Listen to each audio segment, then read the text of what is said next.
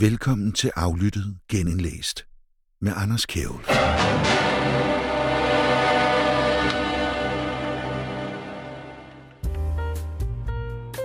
Efter en længere pause, så har jeg valgt at re-reloade aflyttet, men jeg kører på dampene efter at Radar Media har valgt at slå sig sammen med ingeniøren, uden at tage aflyttet med derind. Så det her, det er en sponsorplads. Her kan du blive nævnt med firma eller navn, hvis du har lyst til det. Så send mig en mail på aflyttet proton.me hvis du gerne vil sponsorere programmet. På forhånd, mange tak.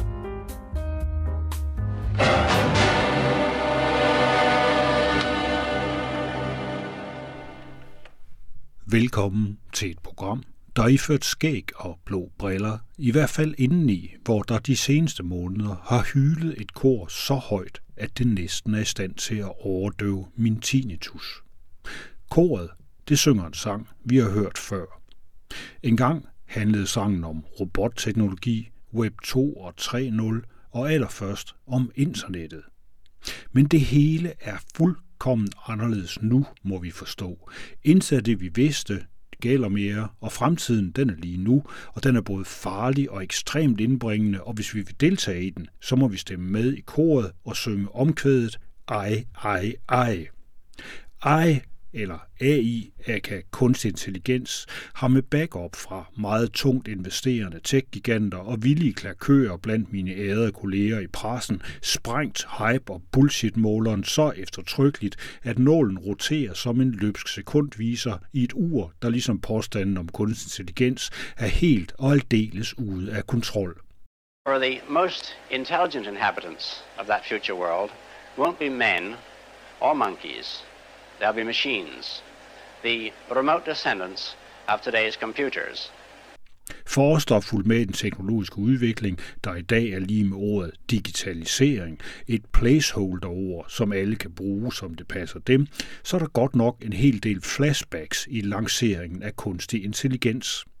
Kan du for eksempel huske, da vi begyndte at tale om robotter?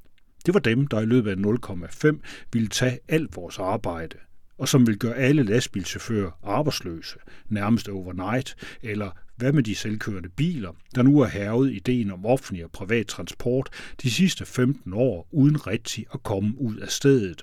Altså undtagen som en fiktion, der endnu sidder i vores beslutningstagers hjerner og forhindrer dem i at tænke klart, blændet som de og vi andre bliver, når firmaer som Tesla, Uber, Microsoft, OpenAI og Amazon bestemmer sig for at tænde for den helt store reklamekanon, den, der altså nu er ladet med AI. Now, the present day electronic brains are complete morons, but this will not be true in another generation. They will start to think, and eventually they will completely outthink their makers. Is this depressing? I don't see why it should be. We superseded the Cro-Magnon and Neanderthal men, and we presume we're an improvement. I think we should regard it as a privilege to be stepping stones to higher things. Det her er forfatteren Arthur C. Clarke. Han skrev en masse science fiction bøger, som mange techfirmaer desværre opfattede som en manual. Det her var fra 1964, men selvom det er gammelt tankegods, så indgår det i den grad i den store nye sang om AI. Den store sang om kunstig intelligens er blevet endnu mere besnærende, fordi den indeholder et absurd og samtidig ateistisk forjættende løfte, som Google og OpenAI og Microsoft hele tiden lader sige. At det, de har lavet, ikke bare er en avanceret statistisk papegøjemodel, men en helt ny Gud, der kan tænke selv. Den Gud har et navn. Singulariteten. Det er ideen om, at computerne vågner og får bevidsthed, og den religion, som singulariteten er Gud i, den hedder transhumanisme. Transhumanisterne, de mener, at vi mennesker, vi ikke er gode nok, som vi er. At der er noget mere derude, hvis bare vi forbedrer os selv med noget teknologi. I suspect that organic or biological evolution has about come to its end and we are now at the beginning of inorganic or mechanical evolution, which will be thousands of times swifter. De fremmeste disciple for transhumanismen, de, de mener i ramme alvor, at de kommer til at leve evigt inde i en kunstig intelligens på internettet, og det har de gjort længe, og nu så er det angiveligt ved at blive alvor. But even if the future does belong to the robots, our bodies and our brains still have immense untapped potentialities. For example, to cope with the information explosion, we may develop a machine for recording information directly onto the brain, as today we can record a symphony on tape. So we may one day be able to become instant experts, uh, learning Chinese overnight, for example. Or we may be able to recall completely memories of past events so that we seem to relive them. In fact, techniques are already known for doing this in a rather limited way at the present. I 2019, der talte jeg med en, der mente, at det var en farlig tankegang. Hun hedder Sara Spiegermann og er en af forfatterne til det antitranshumanistiske manifest, og det indslag det blev bragt for fire år siden, dengang aflyttet blev sendt på FM, og nu synes jeg, det er på tide, jeg bringer det igen, for det har aldrig været vigtigere. Indtil da, der er der kun at sige, det her er endnu en gratis udgave af aflyttet. Jeg søger stadigvæk en sponsor. Jeg hedder stadigvæk Anders Kjærulf. Velkommen til. We're all right. There's no microphone here. It takes a little while to realize you're not being overheard.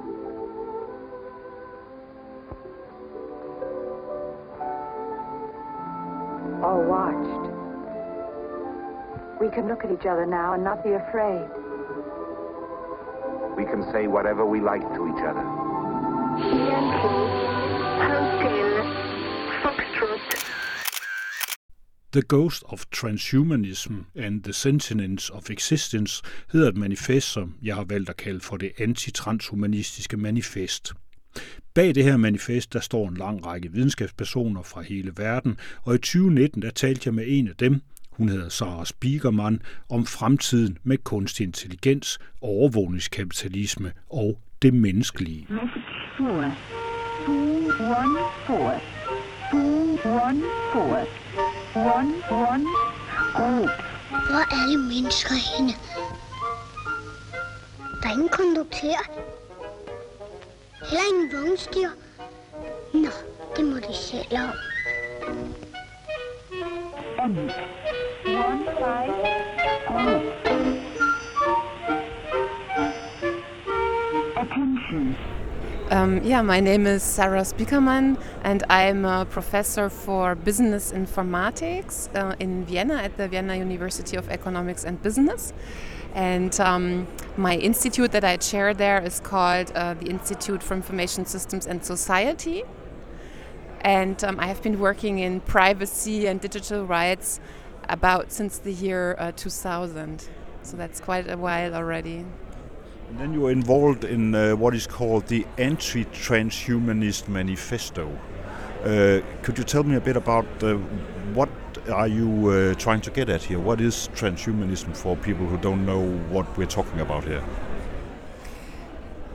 I I think transhumanism is a very peculiar uh, idea of mankind that um, regards us humans as um, information objects that operate similar to a computer system or can be understood primarily through um, the mind, the mind or the head, even physically, is what is most important for human beings. And transhumanism also, I think, claims that human nature as it is right now is suboptimal um, in comparison to computer systems. And I believe that transhumanisms have, because they regard humans as information objects similar to machines, so they have a very mechanistic um, idea of man, they believe that uh, machines can replace uh, humans. Or, and I think the transhumanists are split on that question, uh, not some believe that there is a next generation machine that will watch over us stupid little animal humans. And the others think that humans may be enhanced or upgraded through machines or modern technologies of various kind to live up to a new generation of mankind, to become a new generation. But no matter what the vision is for mankind, um, it is always starting at the idea that humans, as they are, are not beautiful and creative and good as they are.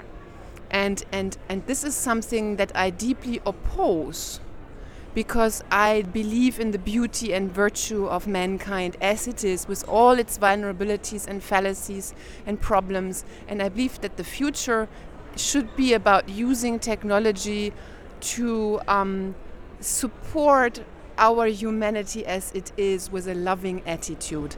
And this is not what the transhumanists are doing.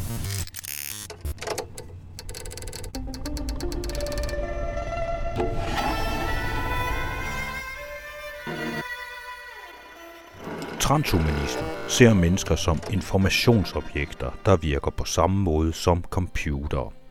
Transhumanister mener også, at mennesket er mindre velfungerende end computer, at mennesket bør optimeres, og at maskiner kan erstatte mennesker.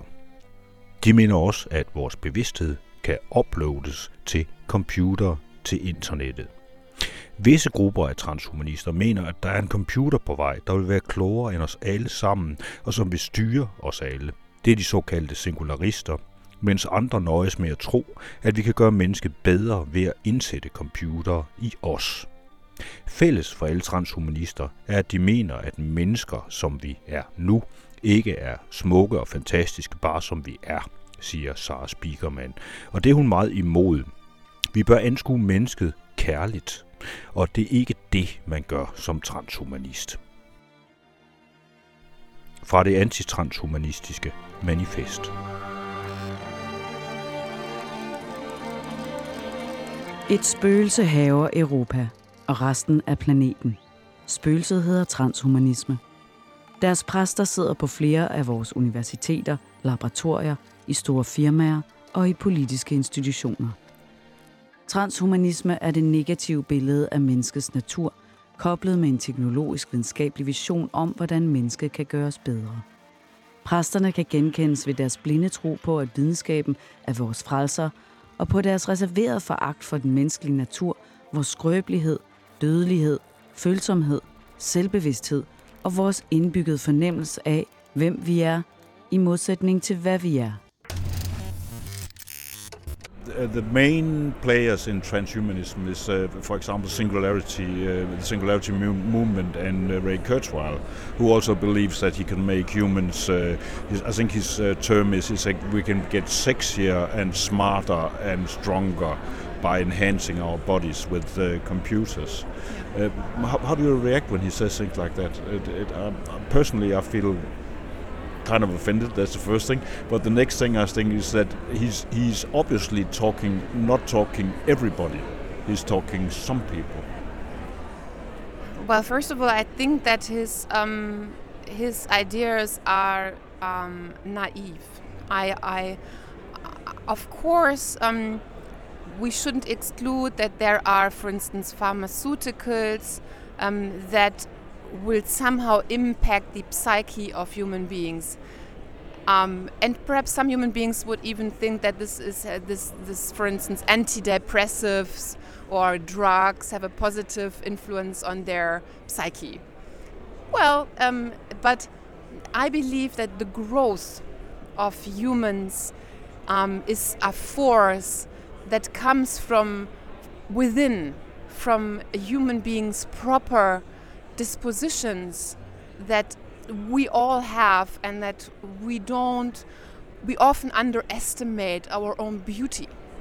And um, um, the second point you're alluding to is that um, which is true that such drugs and technologies or um, for instance let's say a hip replacement or robotic replacement in your body costs a lot of money and I don't think that, um, for sure, in Europe, um, the public uh, medical uh, uh um, systems would be uh, should can and uh, live up to the idea that everyone now gets um, artificial replacement. So at the end stands a society in which the very, very rich will afford this kind of technology and the rest will be left behind. That said, I think those that do engage in this kind of enhancement, I don't think that they will in the end be better off, even if they spend all their money on this stuff. I believe that those people who are true to themselves and work on, on themselves as they are, are in the end um, the kind that is the happier bunch. Ray Kurzweil, stifteren af singularitetsbegrebet og tidligere ansat hos Google, er en af de mest fremtrædende transhumanister. Han lever på en diæt af vitaminpiller og forventer at kunne leve evigt gennem teknologi.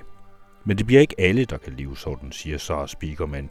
Det bliver kun meget få, der har råd til at få teknologiske proteser og udvide sig selv med software. Men, siger Sarah Spiegelman, det bliver også andre, der vinder. Ved at arbejde med sig selv som menneske, så når man længere, end man gør med teknik. Fra det antitranshumanistiske manifest. Transhumanister forveksler følsomhed med irrationalitet, hvilende potentiale med dumhed og handicap med undværlighed. Som et resultat af denne forveksling arbejder de for en fremtid, der blindt hylder det teknisk forbundne, genetisk optimerede, computerledende samfund, hvor de påståede dårligt konstruerede mennesker manipuleres og forbedres af en usynlig robotdrevet maskine, kaldet det næste trin af uundgåelig udvikling for menneskeheden.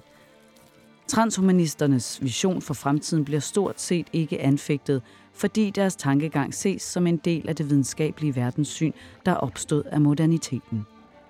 Derfor føler de sig berettiget til at diktere, hvad fremskridt er, og hvad der bør ses som rationelt. De udtaler sig skråsikkert om, hvordan fremtiden vil se ud, og er uimodtagelige for kritik, hvorved de selv viser symptomer på at tilhøre en ikke-rationel ideologi. one of your points in, in the anti-transhumanist manifesto is also that they are actually have, they're having a very uh, a big impact on, on current society. Uh, where do you see it? Uh, where do you see transhumanism uh, kind of shining through the way we are living now? Well, unfortunately, this idea of the singularity seems to be something like a fixation point um, through this vision of the singularity, the transhumanists have given many modern societies a kind of direction, an image of the future. And um, this is dangerous um, because at this point in time, um, there is no um, alternative vision for the future. We are, I'm developing one which is uh, which is all around ethical and value-based engineering to to give a different idea of what the future could look like. But the transhumanists are, of course, um, successfully running on the money of the IT industry that is obviously, for business reasons, interested in digitalizing and transforming societies through digitalization because they make a lot of money. So this, uh, I'd say, almost from my personal opinion, evil uh, uh, direction is um, supported by by very big money from the industry, directly or indirectly, and and this is a great threat. So, so we have this kind of symbiosis between uh, the transhumanist and the tech industry. Um, without knowing exactly what industries and particular companies would be supporting uh, um, this vision, um, I, I, do think this is the case. And I'm wondering who is funding organizations like the Singularity University, who actually allows these institutions to call themselves universities. Um, the public, at least in Europe, I think in the United States as well, or in other parts of the world, associate with universities, um, establishments um, that carefully choose um, their um, perspectives and the people who work for them. And um, the very foundation, at least in Europe, of universities has been humanism. And humanism, from my perspective and interpretation, is believing in human proper capabilities and is not um, I think that this kind of humanism that transhumanists claim for themselves is a false humanism that shouldn't be supported by anything that is allowed to call itself university. Vi mangler en alternativ vision til den tekniske, siger Sara Spiegelman. Men det er svært at få den på banen, fordi transhumanisterne er støttet af tech-firmaerne, der tjener en masse penge på at sælge deres løsninger. Hvem må egentlig støtter det såkaldte Singularity University, der i øvrigt ikke er et universitet, spørger hun. De europæiske universiteter de er baseret på humanisme, ikke på teknologi.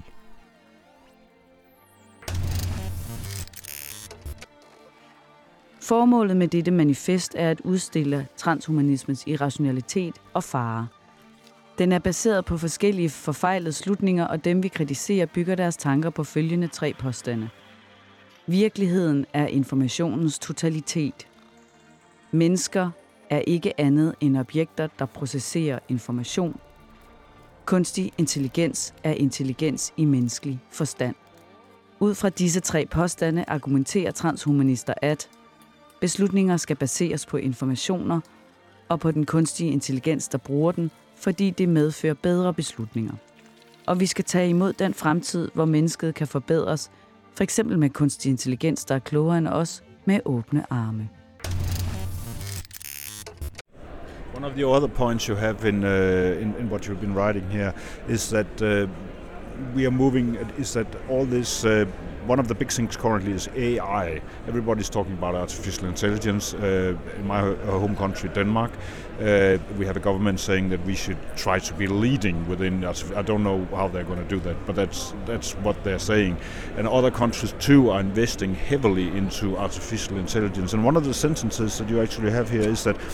Uh, artificial intelligence can never be a, a, human intelligence and it can never beat it. Could, could you elaborate on that? Yes, I uh, for sure artificial intelligence will never have the kind of intelligence that humans possess. Artificial intelligence has its own form of power, um, or let's say rather, let's talk about artificial capabilities that we would perhaps consider intelligent because um, machines can um, process so much more data than any humans or human group can. And it is possible, it, it is able to identify patterns that we can't see. And it also can see details that we do not see. And in these two particular um, domains, machines have an advantage but that is not comparable to in any way to human intelligence. Human intel- humans are holistically intelligent, and in our mind, um, in our consciousness, collapses a visible and invisible world of time and space and values. Yeah, values, for instance, values are not visible sympathy, for instance. Sympathy is there, everyone recognizes it, but it is not um, visible. And we humans can perceive these values, and um, we, in this uh, way of how our consciousness uh, works and in which our intelligence forms, um, we are very different from machines. And this is why, in a nutshell, um, the idea that artificial intelligence will anything be like a human is um, is is uh, is is impossible. Basically, it's um, and people who claim it have sometimes a very peculiar um, definition of consciousness and intelligence as such we go further down the line, then there's also people who says that right, it, it's not going to be like humans, but it's going to have a new form of intelligence. And if you if you take the singularities uh, and, and their way of thinking again, they say it will be a new kind of intelligence that will kind of that will help humanity and uh, solve all, all our problems. Uh, they also say, by the way, that it might also kill us. But but uh, but they say it will solve all our problems and it will kind of take its own shape and they even give it a timing. I think it's something like 2050, uh, where the singularity will happen, and the, all these machines we have around us will kind of get together and uh, form a massive intelligence that will uh, overshine human. Uh, would you recognize the point that uh, maybe they were, would be able to create something that could actually help us and which, which will have an intelligence that we will uh, what we, that we will have to have to recognize uh, as something? Yes, I, I, I absolutely think that um, machines can be a very powerful support for humanity in the sense that, as I just said, um, suddenly we have all this, for example, sociological and physiological data about ourselves, and machines are they are detecting patterns that we would have never come up with in our scientific models. Let me give you an example. Um, a, a, big data company I know from Paris has found that in consumer profiles, the most important um, item for predicting purchase behavior in their data set is the first name of a person. Um, so a Sarah obviously has a different way of buying and thinking than a Sandra or a Susie. And um, this is surprising. And um, I think this kind of new detections of patterns of behavior and models can be extremely informative for our for the scientific world and for um, the understanding of ourselves. Or let me give you another example. You know that some AI algorithms have been um, uh, criticized for the, for sorting black people to be gorillas or that um, bias is this kind of um, uh, race bias is in data. Well, what the machines are actually doing is they are creating a mirror for our own thinking patterns. And this is very helpful for ourselves because we are able to see our own biases. And in this rigor, we are potentially able to improve ourselves. But not that the machine improves us, that we improve because the machine tells us a little bit about the truth about ourselves. Fra det antitranshumanistiske manifest. Om transhumanismens forkerte antagelser. Virkeligheden er ikke den samlede sum af information. Vi mener ikke, at tanken om information er dækkende for livet som sådan. Vi finder det naivt ukritisk at tro, det er sådan. Information kan hverken måles eller defineres som et hele, og at gå skridtet videre og mene, at information er hele virkeligheden, er forkert. Begrebet information kan være et nyttigt værktøj i videnskab og teknologi, men er ikke dækkende for alle aspekter af det menneskelige liv. Det at bearbejde, at processere information er glimrende, hvis man vil diskutere simple, funktionelle dele af menneskelig opfattelse, tænkning og handlinger, men forbigår andre elementer som følelsesmæssig intelligens, praktiske dyder som visdom eller forudseenhed, ting, der er afgørende for etiske bedømmelser og eksperimenterende og fenomenologiske dimensioner af vores verdenssyn. For at opsummere, så er begrebet information brugt af transhumanister som et udtryk for kontrol gennem beregning.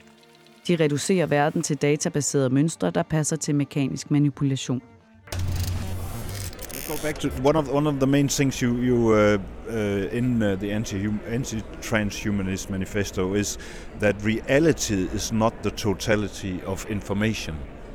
Um, I, I like I very very much like the, the in that because there's a lot of people who are saying that reality is just the totality of information. What, what is uh, what, what does reality consist of in, uh, in your opinion?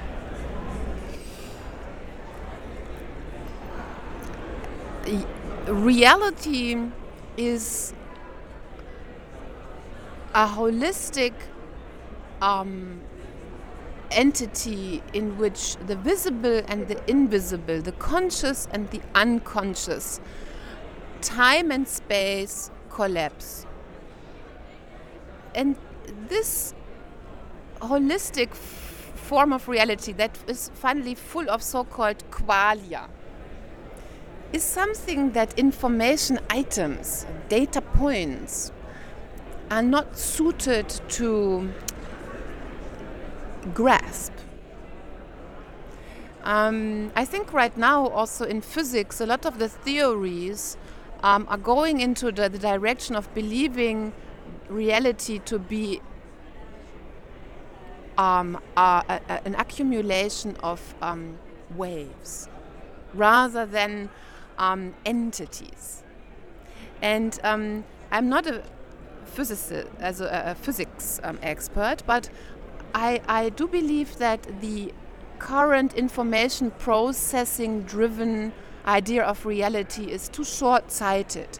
We cannot, we cannot measure or reduce reality to data points. It, that, that is, from my perspective, impossible. And it would predict also our most recent scientific knowledge about ourselves. Hmm.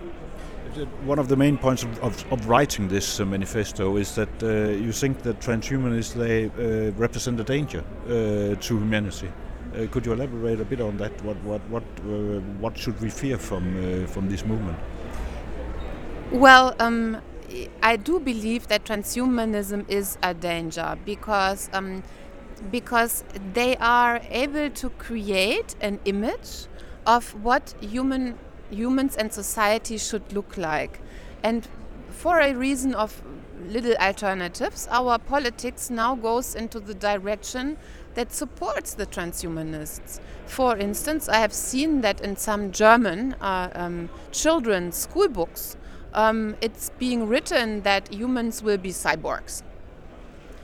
Something like that. And I don't think so. I, I rather, neither myself nor my children should be cyborgs. And um, I don't think that the, that the future is hence uh, determined. And this is what I feel as dangerous that um, politicians or industry people or people who don't think too deeply about these matters. They are absorbing this transhumanist perspective on what the future should look like, and they're buying into this picture, and then they're creating and fin- financially supporting and politically supporting this development. Um, right now, for instance, in Austria, probably in other European countries as well, everybody talks about a digital transformation. And I don't. I'm just wondering. But I'm sorry. Why do we need this? This money spent on a digital transformation of whatever, why don't we put that money in our schools? We should pay our teachers better. We should we have elderly people to care for. We have to improve our our streets and and our natural environment. And instead, all this money is put into a transhumanistic vision of a cyborg society. And now we have to all digitally transform. And this is just, I think, this is this is. Uh, not only nonsense, but it is dangerous. It's wrong. Fra det antitranshumanistiske manifest. Så længe information er set som det samme, som Locke kaldte en primær kvalitet og ikke andet, mens man overser dens valør, den indre værdi og de aspekter af vores verden, der gør den meningsfuld og værd at leve i, er informationsteorien fuldkommen livløs. Hvis begrebet information derfor ikke er dækkende, hvis man vil beskrive livet og menneskeheden, så er hele ideen om, at virkeligheden er informationens samlede sum, lige så forkert. Mennesker er ikke objekter af information, vi er væsener af mening. Vi ser mening som det vigtigste aspekt i menneskelivet, for det gør os i stand til at forstå virkeligheden, at tænke dybere over den og til at handle i den. Mening opstår, når hele vores krop inklusiv hjernen, interagerer med verden, som den er, eller aktualiserer nye virkeligheder. You have a very uh, also a very clear thought in the transhumanist uh, manifesto saying that uh, humans are not information objects but animals of meaning. Uh, this this uh, phrase "animals of meaning" could you uh, could you tell me a bit more about that?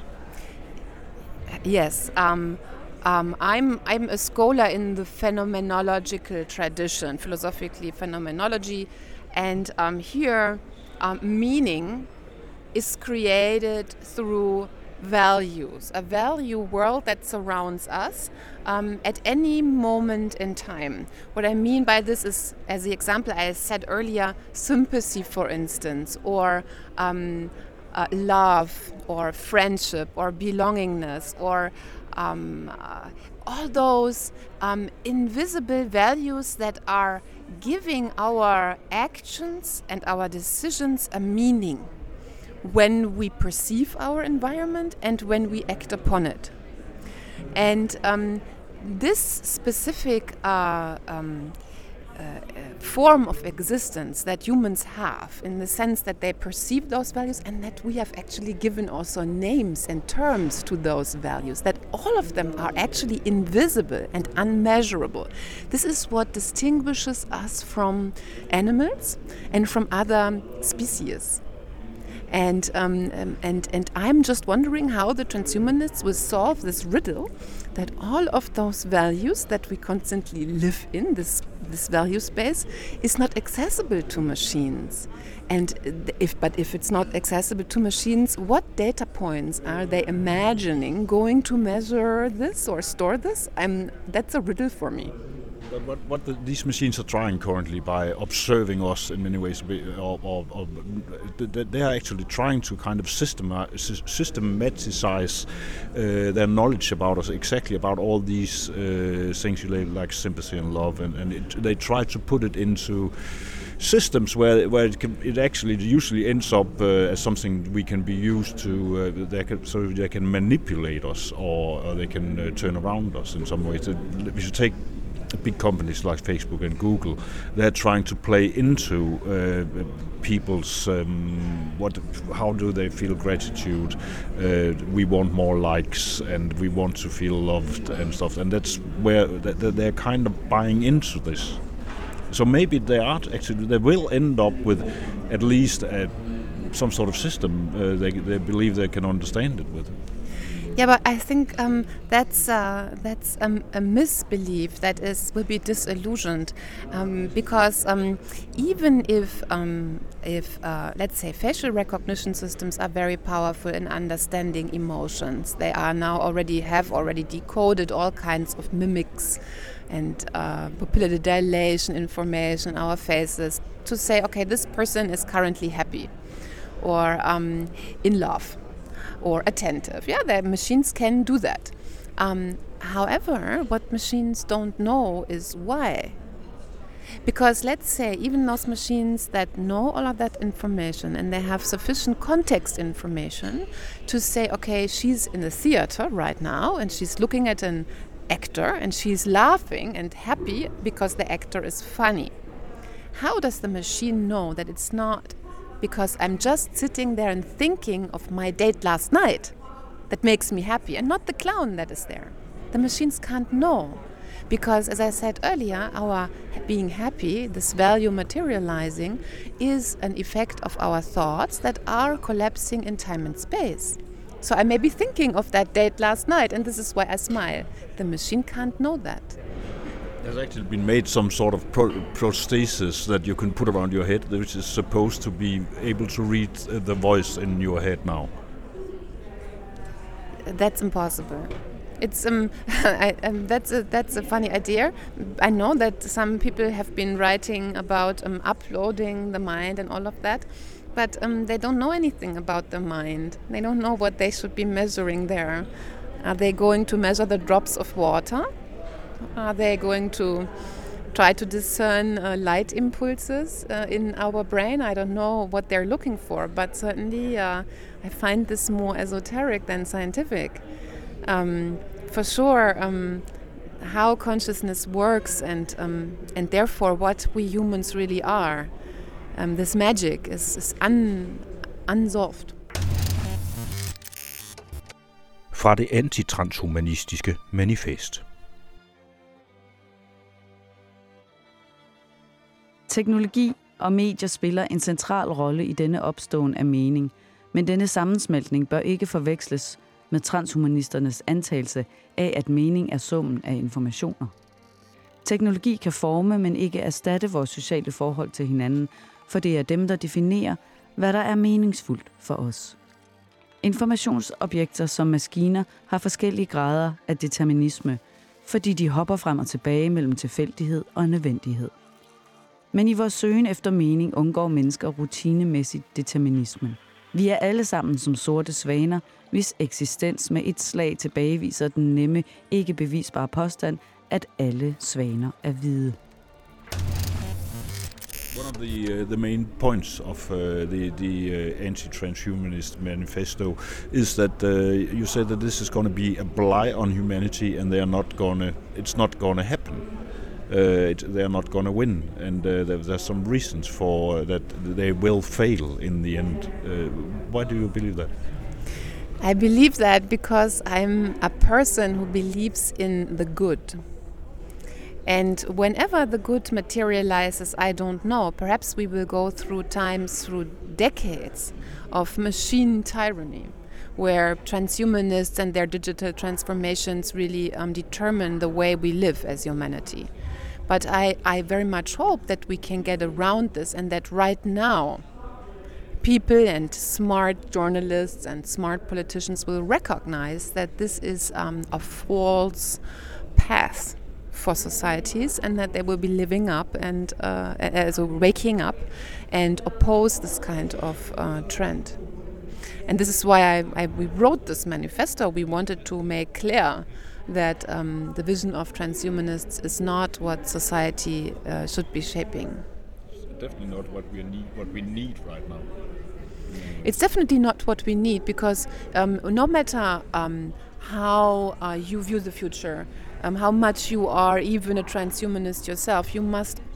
It's for sure clear that Earth, right now, has so many other problems than that. And also, there is very little reflection on the fact that all of that digitalization requires natural resources. I'm not only talking about energy here, I'm talking about rare earths, for example, or all kinds of metals that these systems need. And if you look into the supply chain dynamics of digitalization, you will realize that it is living on rare resources that very, will, very soon will be running out. I, I, read an article that said that 70% of today's IT rare IT resources in terms of rare earths comes from one uh, mine in China. And, and this is this is just a little piece of the story. Um, if you look at the energy consumption of blockchains or bitcoins, that's horrible. I, I, heard the number that the Bitcoin currency in itself in a year has been consuming so much energy as the whole country of Denmark with its entire population. And I'm wondering um, does this make sense? And what is the, the benefit? We have to make a very rational calculation on costs and benefits here. And the costs are are not only in monetary but in natural uh, and, and resource uh, perspectives very high. And I don't see the benefits. Putting that same money into kindergartens, into education, into improving the um, um, the renomme of our teachers and craftsmen and ordinary people, um, perhaps even financing something like an unlimited basic income or something like that. Um, it makes so much more sense for me than to invest in this crazy digital transformation when nobody actually knows what is this other than that something is suddenly digital, which you know doesn't make it any better.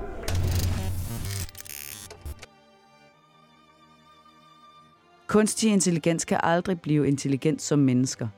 Intelligens versus information er som et søm og en hammer.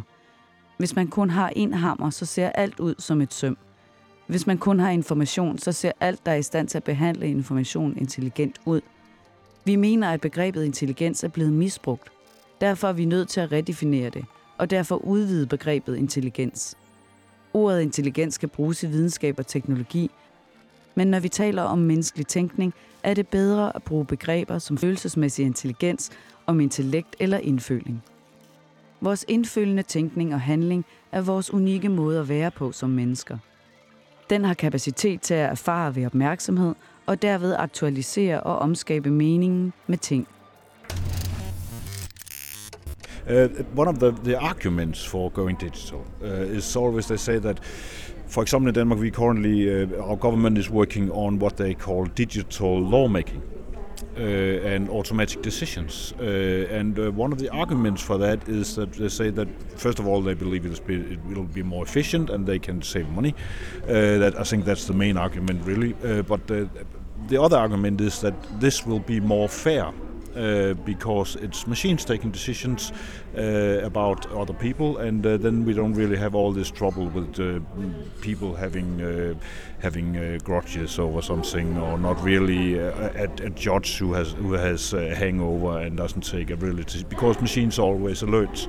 How do you how do you see feel about the way of looking at, at, at for example, justice in, in that sense? I see these developments with great concern. Um, judging can only be done on the basis of a holistic perception of the person and the case in front of you. And this is a deeply human affair. Um, I don't believe that machines can judge. And there are also technical reasons why I don't believe that. First of all, um, as I explained earlier, the data, what can be measured from our reality, um, is limited. Um, the, the data points are never um, holistic enough and complete enough to, to create a true reflection of what what really happened. For sure, it will never be able to measure the motivations behind behavior. So let's say you have a criminal, and that so for example, a man who killed his wife.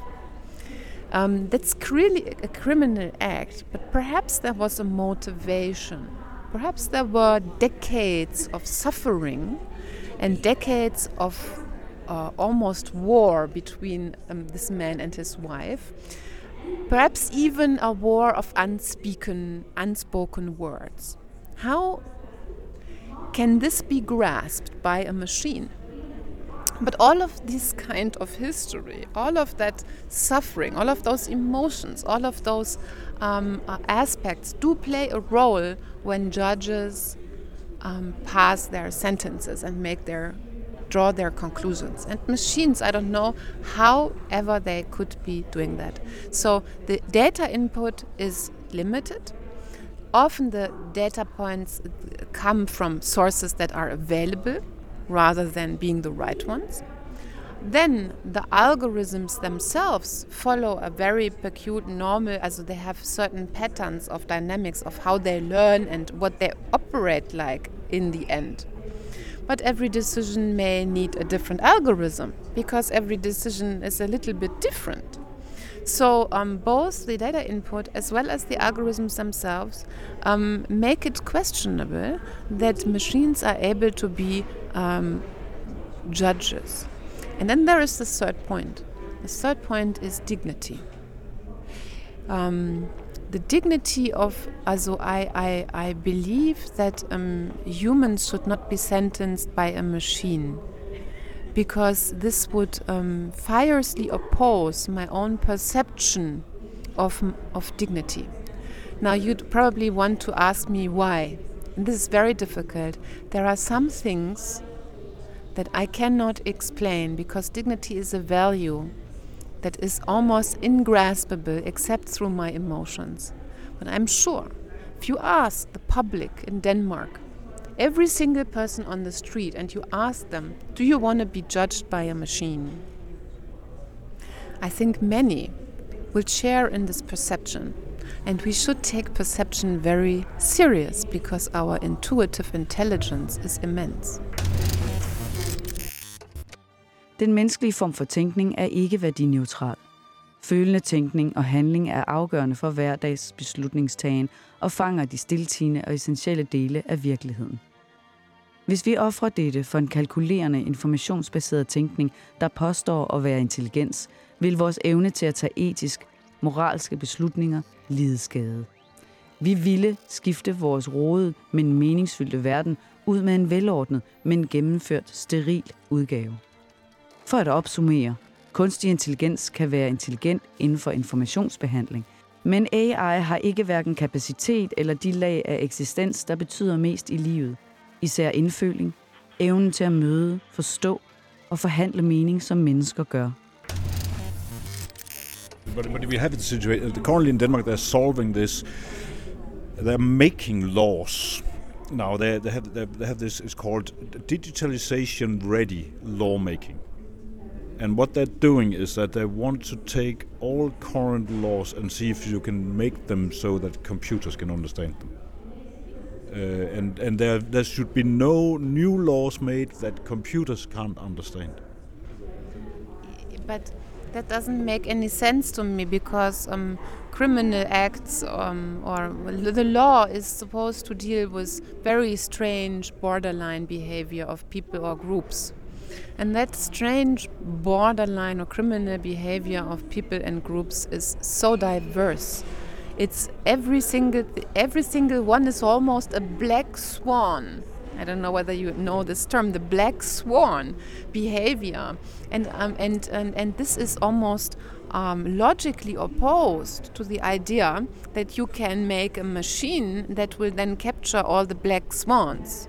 Machines are good at seeing and detecting white swans, even white swans that we don't detect with our uh, with our own human intelligence. But but but justice is becomes important when it's about judging the black swan that machines cannot perceive.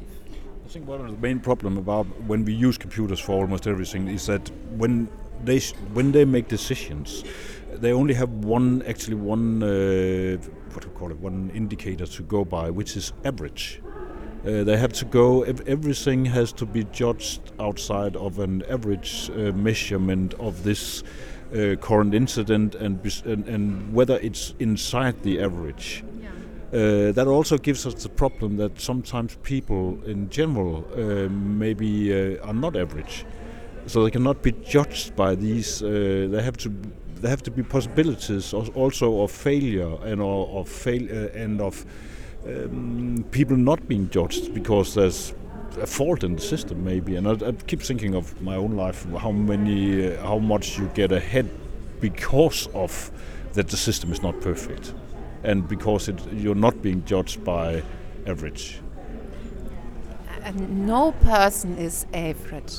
Every person is unique and this is so beautiful. And I think what um, and, and a true progress for our societies would be to accept ourselves in this uniqueness that that we are.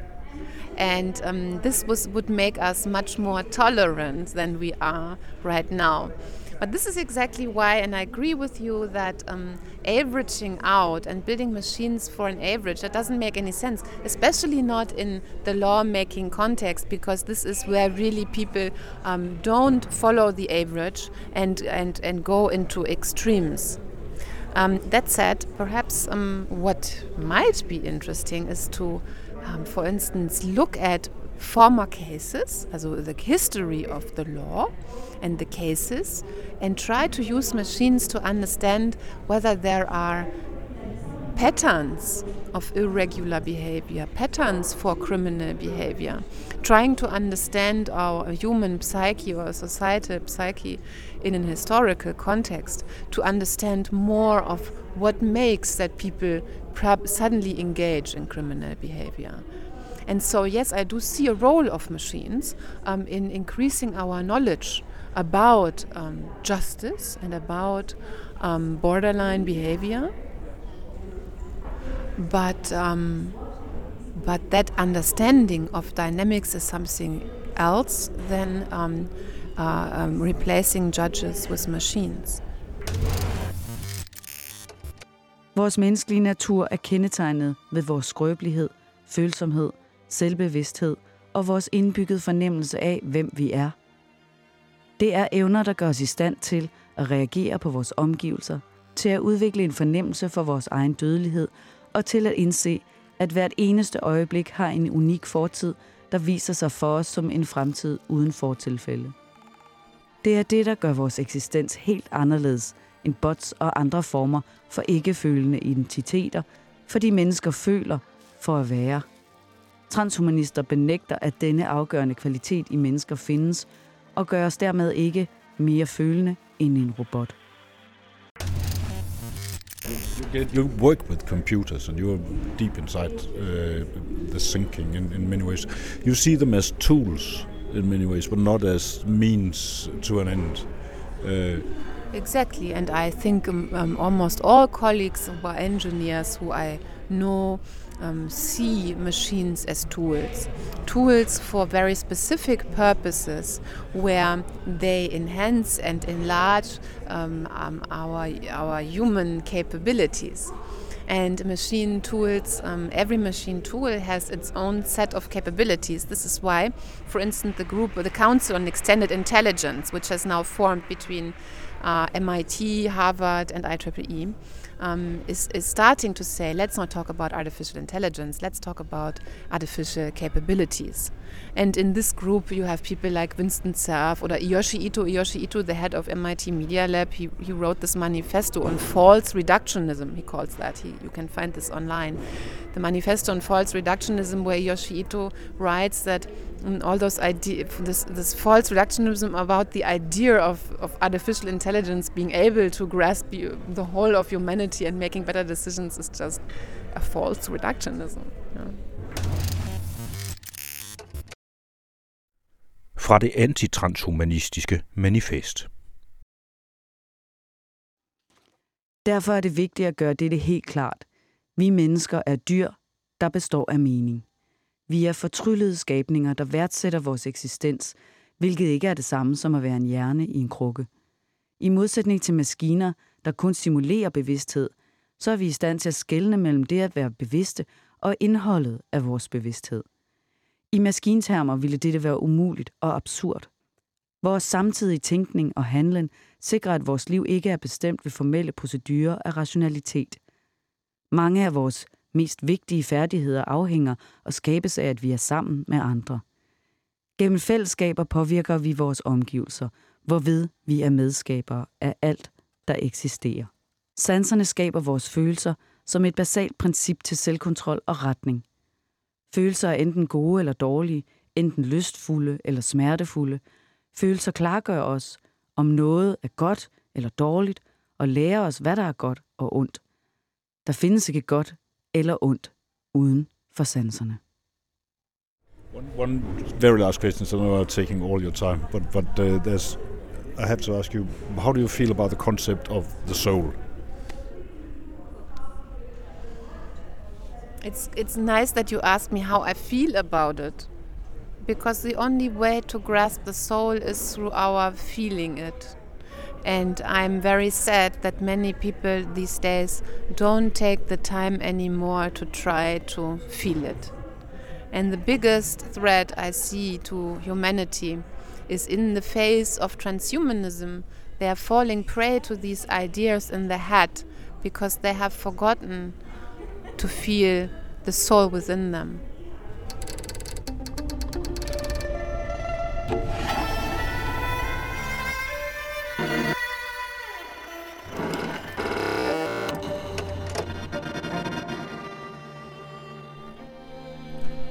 Og det var altså professor Sara Spiegelman fra Wiens Universitet.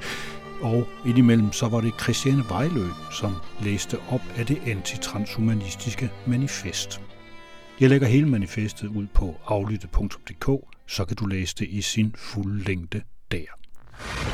It may just be my imagination. Whatever it is that's watching. It's not human. Det var, hvad jeg havde råd til at bringe i aflyttet denne gang. Jeg kan ikke love, at jeg udkommer igen i næste uge, men så snart jeg har tid og penge, så kommer der mere, både fra arkiverne og nyt. Jeg hedder stadigvæk Anders Kjærulf, og er din deprimerende guide i det overvågningssamfund, vi alle sammen bor og danser og taster og trisser rundt i, mens vi længes inderligt efter sandheden i en sjæl og et læme. Det bliver ikke lige nu, men måske om lidt.